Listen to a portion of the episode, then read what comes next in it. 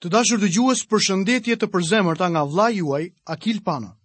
Ju uroj mirëseardhjen në programin e sotëm. Ju kujtoj që në mësimin e kaluar kemi folur për kapitullin e 25 të librit të Eksodit dhe jemi përqendruar në studimin e të tëra orendive që gjenden në vendin e shenjtë. Studimin e kaluar e ndërpremë tek orendia e dytë, tavolina e bukës së paraqitjes. Le ta vazhdojmë menjëherë studimin e sotëm për të folur për bukën e paraqitjes. Na duhet të themi që buka ndërrohej çdo sabat. Atë që mbetej e hante me verë familja priftërore në vendin e shenjtë. Kjo tavolinë Nuk e jep figurën e Krishtit ashtu sikurse e jep Mana. Edhe pse të dyja flasin për Krishtin, nuk është njësoj. Mana flet për Krishtin si jetëdhënësi. Ai vetë e shpjegoi këtë gjë tek Ungjilli sipas Gjonit në kapitullin e 6 dhe vargun e 32 kur tha, në të vërtetë në të vërtetë po ju them, se jo Moisiu jua ka dhënë bukën nga qielli, por ati im ju jep bukën e vërtetë nga qielli. Pak më vonë, tek i njëjti kapitull në vargun e 35, Jezusi tha, Unë jam buka e jetës. Kush vjen tek unë, nuk do të ketë më kurrë uri dhe kush beson në mua, nuk do të ketë më kurrë etje. Buka e paraqitjes flet gjithashtu për Krishtin si jetëushqyesi. Jeta e përjetshme është dhuratë e Perëndisë. Ajo është mana që zbriti nga qielli. Personi që merr manën, merr jetën e përjetshme. Megjithatë, Jeta e përjetshme kërkon një ushqim të veçantë për ta ushqyer atë dhe ndihmuar të rritet dhe të gjejë forca. Buka e paraqitjes na e paraqet Krishtin si ushqimi i veçantë për ata që kanë marrë nga mana e jetës. Zoti Jezu Krisht duket edhe në një ilustrim tjetër që ai e përdori edhe vetë. Buka e paraqitjes bëhej me drithë të bluar pa maja dhe pastaj piqej. Në librin e Levitikut, kapitulli 24 dhe vargu i 5, shohim, do të marrësh majë mielli dhe me të do të pjekësh 12 kuleç. Çdo kulaç do të jetë dy të dhjetat e efës. Pastaj mësojmë se Zoti Jezus tha, në të vërtetë në të vërtetë po ju them, nëse kokrra e grurit e rënë në dhe, nuk vdes, ajo mbetet e vetme, por po të vdesë, jep shumë fryt. Zoti Jezu Krisht u bluajt në mullirin e vuajtjeve. Në ankthin e tij, Jezusi tha tek Gjoni kapitulli 12 dhe vargu i 27. Tani shpirti im është i tronditur dhe çfarë të them, o atë, më shpëto nga kjo orë, por për këtë kam ardhur në këtë orë. Tek Gjoni 12, 31 dhe 32 na tregon se Jezusi shkoi në zjarrin e vuajtjes dhe gjykimit. Tani është gjykimi i kësaj bote. Tani do të hidhet jashtë princi i kësaj bote. Dhe unë, kur të jem ngritur lart, do t'i tërheq të gjithë tek unë.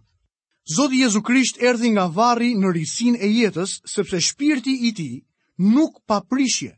Tani ai jeton një jetë ringjalljeje. Tani ai është buka e paraqitjes që ushqen besimtarët.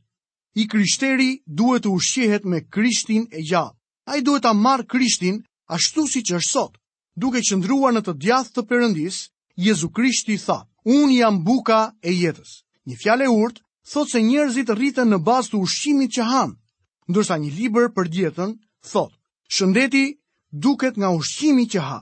Vështirësia sot qëndron në faktin se shumë të krishterë nuk ushqehen fare me Krishtin. Në mënyrë që të rriteni, duhet të ushqeheni me të. Apostulli Pal na tregon tek letra e dytë drejtuar Korintasve, kapitulli 5 dhe vargu i 16.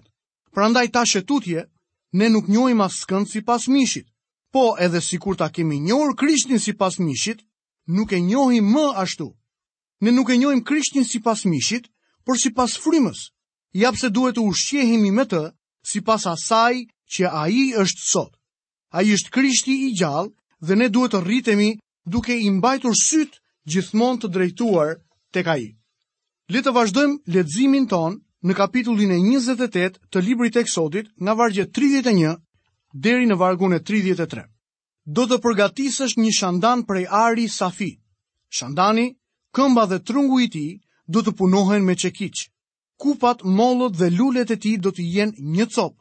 Nga ana e tij do të dalin gjashtë krahë, tre krahë nga njëra anë e shandanit dhe tre krahë nga ana tjetër e tij. Mbi njërin krah do të modelohen tri kupa në formë të bajames me një mollë dhe një lule, dhe mbi krahun tjetër tri kupa në formë të bajames me një mollë dhe një lule. Kështu do të veprohet për gjashtë krahë që do të dalin nga shandani. Nga vargu 34 deri në vargun 39 vazhdon përshkrimi. Ndërsa vargu i 40 na thotë: "Dhe shiko të bësh çdo gjë sipas modelit që t'u tregua në mal." Shandani mund të jetë tabloja më e përsosur që gjendet në orenditë e tabernakullit për Krishtin. Ai e nxjerr atë si ar të pastër dhe flet për anën e tij hyjnore. E prezanton atë si perëndi. Adhurimi ka të bëjë me të ecurin në dritë. Ky është një fakt shumë i rëndësishëm për të kuptuar. Studiuam së bashku tavolinën e bukës së paraqitjes dhe pamë se fliste për faktin se kur adhurojmë Perëndinë, duhet të ushqehemi në Zotin Jezu Krisht.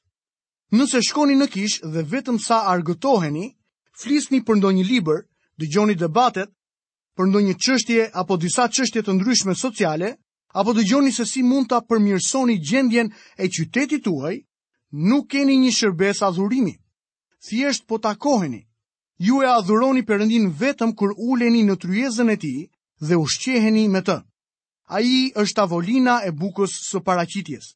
Në mënyrë që të adhuroni Perëndinë, duhet të ecni në dritë.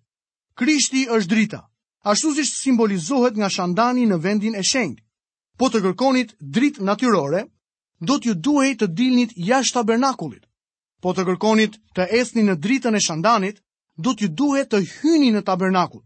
Gjoni në kapitullin e parë dhe vargun e nëntë në ungjill, na thotë se Jezu Krishti është drita e vërtetë, i cili ndriçon çdo njeri që vjen në botë. Do të zbuloni se ka njerëz të cilët i këshillojnë të tjerët me anë të fjalëve. Na thuhet se ne mund të gënjehemi përmes filozofisë dhe mashtrimit të kotë. Dëgjoni fjalët e Palit Tek letra drejtuar Kolosianëve kapitulli i dytë dhe vargu i tetë. Tregoni kujdes se mos ndokush ju bën prenë e tij me anë të filozofisë dhe me mashtrime të kota, sipas traditës së njerëzve, sipas elementeve të botës dhe jo sipas Krishtit. Por Krishti nuk ishte thjesht një filozof tjetër që e errësonte këshillimin me fjalë pa njohuri. Jezusi ishte biri i Perëndisë dhe në të nuk ka aspak errësirë. Shandani në të vërtetë përbëhej vetëm nga një copë ari. Ishte vepër e arritur shumë e zbukuruar. Kishte një bosht qendror, por prej tij dilnin tre degë në secilën anë, duke bërë kështu shtatë degë gjithsej. Secila prej tyre ishte si një degë bajameje me lule dhe fruta. Në majë ishte një lule bajameje dhe pikërisht këtu vendoseshin llambat me vaj. Lulet e bajameve dukeshin si prej druri, por në të vërtetë ishin prej ari. Ato na kujtojnë shkopin e Aronit që shndërrohej. Kur e drejta priftërore e Aronit ishte në pikëpyetje, shndërrimi i shkopit të tij prej bajameje vendosi të drejtën e tij për të qenë prift. Shkopi prej bajameje, një degë e vdekur, ishte bërë për të jetuar dhe për të dhënë fryte. Krishti u njoh si Biri i Perëndisë nëpërmjet ringjalljes së tij prej të vdekurve. Ringjallja nuk e bëri Krishtin bir të Perëndisë, sepse tashmë ai ishte ashtu që nga këshillat e hershme të Perëndisë. Ringjallja vetëm sa e konfirmoi atë. Aroni ishte kryeprifti i caktuar nga Perëndia dhe kjo pozitë ishte konfirmuar nga gjallërimi i shkopit të vdekur të bajames. Ringjallja e Krishtit Po ashtu, e vendosi atë kryeprift. Krishti është kryeprifti ynë i madh. Ai u kthye në njeri dhe mori nga natyra jonë. U tundua në gjithçka si ne, por pa mëkatuar. Por baza kryesore e qenies së tij si prift është ana e tij hyjnore. Prifti përfaqësonte njeriun përpara Perëndisë. Dhe Krishti, si Perëndi që u bë njeri, tani është Perëndia njeri që përfaqëson njeriun përpara Perëndisë. Në qiell është dikush që më njeh dhe që më kupton.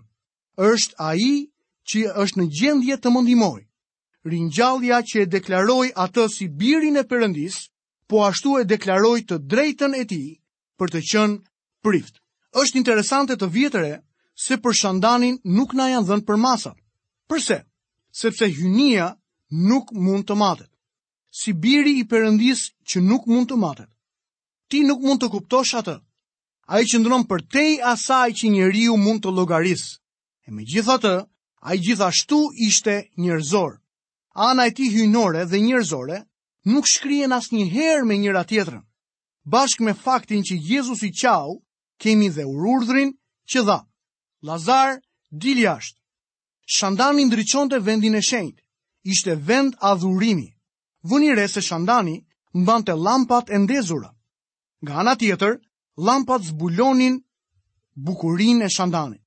Vaji tek llambat përfaqëson frymën e shenjtë.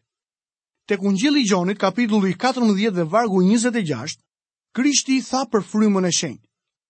Por ngushëlluesi, fryma e shenjtë, që ati do ta dërgojë në emrin tim, do t'ju mësojë çdo gjë dhe do t'ju kujtojë të gjitha këto që ju thashë.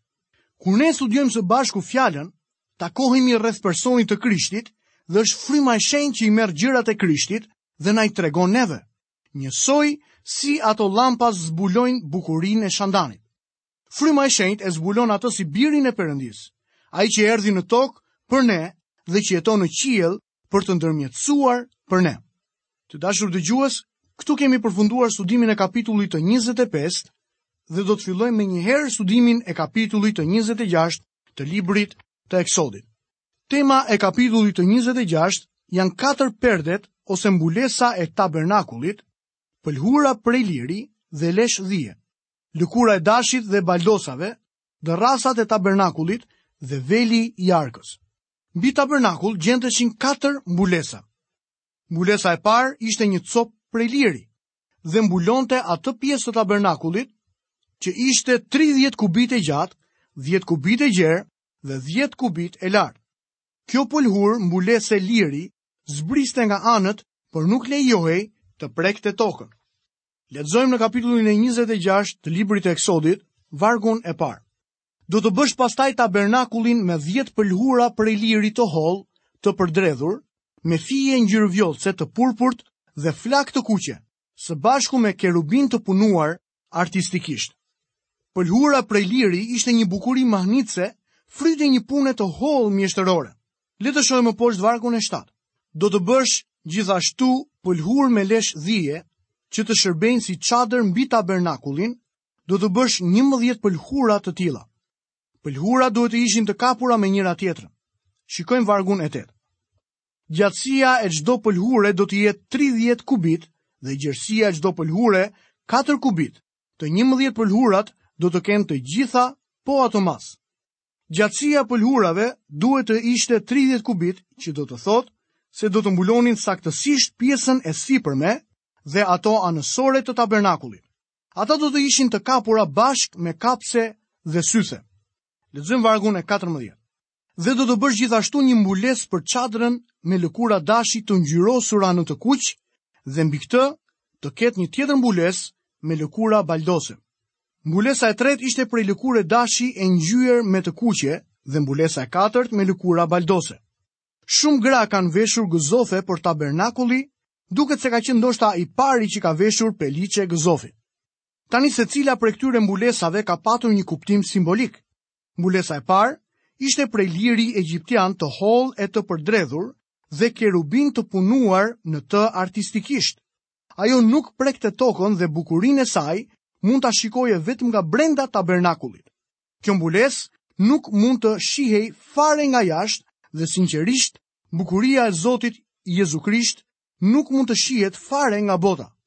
Ai ua lejon këtë vetëm popullit të tij. Është e rëndësishme për besimtarët që ta adhurojnë atë, pasi jo vetëm që kemi nevojë të ushqehemi prej tij, por duhet të soditim bukurinë e tij. Tek Psalmi 17, vargu i 8, Davidi thotë: Më ruaj si beben e syrit, më mbulo me hijen e krahëve të tu. Krahët e kerubinit ishin të thurura në pëlhurën prej liri mbi tabernakull. Në krahët e tij është një vend i mirë ku mund të fshihemi dhe ne duhet të adhurojmë atë që meriton adhurimin tonë. Mbulesa e dytë ishte e bërë me lesh dhije dhe prekte tokën. Kjo pëlhurë flet për vlerën që ka Krishti për mëkatarët. Ajo është një simbol i vdekjes së Krishtit dhe ky është mesazhi që duhet t'i jepet botës.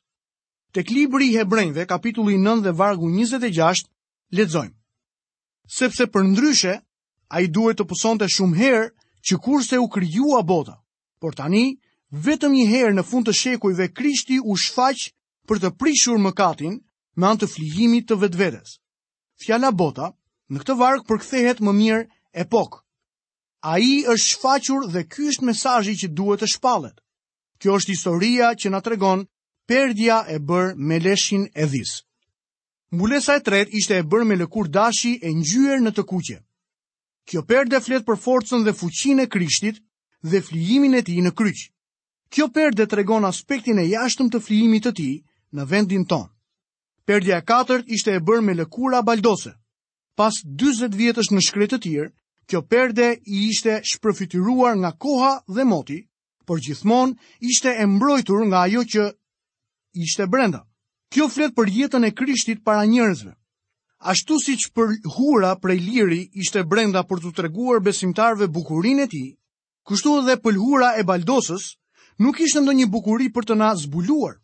Profeti Isaia në kapitullin e 53 dhe vargun e 2 na tregon sa më poshtë për Krishtin. Ai erdhi lart para tij si një degëz, si një rrënjë nga një tokë e thatë. Nuk ishte figurë as bukuri për të tërhequr shikimin tonë, as paraqitje që ne ta dëshironim. Na duhet të hyjmë brenda e të sodisim bukurinë e tij. Bota nuk mund të shohë tek Jezusi atë që mund të shohim ne. Le të lexojmë më poshtë në kapitullin e 26 nga vargjet 15 deri në 19. Do të bësh për tabernakullin disa dërrasa prej drurit të akacies të vendosura në këmbë. Gjatësia një dërrase do të jetë 10 kubitë dhe gjerësia e saj një kubit e gjysëm. Çdo dërrasë do të ketë dy kllapa për të bashkuar një dërrasë me tjetrën. Kështu do të veprosh për të gjitha dërrasat e tabernakullit. Do të bësh kështu dërrasat e tabernakullit, 20 dërrasa për anën jugore. Do të vesh 40 baza argjendi poshtë 20 dërrasave, dy baza poshtë secilës dërrasë për të dy kllapat e veta. Këto dërrasa ishin bërë nga dru akacie, që është një lloj shumë i fortë druri. Ai nuk mund të dëmtohet lehtë. Dërrasat ishin të mbuluara me ar. kishte njëzet dërrasa për çdo anë dhe dhjetë në pjesën e pasme të tabernakullit. Pati natyrisht edhe disa mbivendosje, por ky ishte konstrukti i tabernakullit.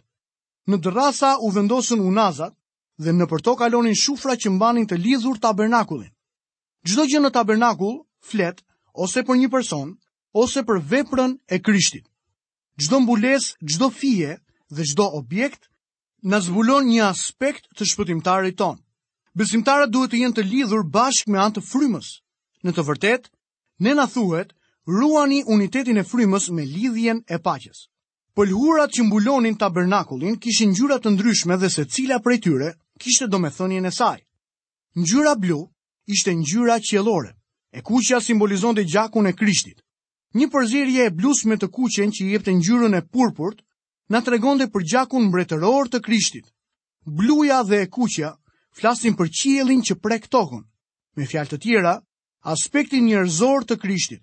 Ngjyra e purpurt flet për atë si mbret i judenjve, dërrasat, shufrat dhe unazat ishin të veshura me ar që flet për aspektin hyjnor të Zotit Jezu Krisht. Tani le të shikojmë të dhënat që na jepen për velin. Lexojmë në vargjet 31 dhe 32. Do të bësh një vel me fije dhe me ngjyrë vjollce të purpurt, të kuqe flakë dhe me li të hollë të përdredhur, të stolisur me kerubinë të punuar artistikisht. Dhe do ta varësh në katër shtylla prej akacie të veshura me ar, me gremçat e tyre të arta të vëna mbi baza argjendi. Veli varaj mbi katër shtylla dhe flet për aspektin njerëzor të Jezu Krishtit. Shtyllat ishin bërë prej druri akacieje të mbuluara me ar dhe të vendosura mbi baza argjendi. Ato na tregojnë për aspektin hyjnor të Jezu Krishtit, që erdhi në tokë dhe solli shpengimin. Në majë të shtyllave nuk kishte punime zbukuruese. Ato ishin thjesht të prera. Tek libri i profetit Isaia në kapitullin e 53 dhe vargu i 8, profeti na thotë, u çua larg nga shtypja dhe nga gjykimi, dhe nga brezi i tij kush mendoi se ai ishte larguar nga toka e të gjallëve dhe ishte goditur për shkak të shkeljeve të popullit tim. Jezu Krishti ishte larguar nga vendi i të gjallëve.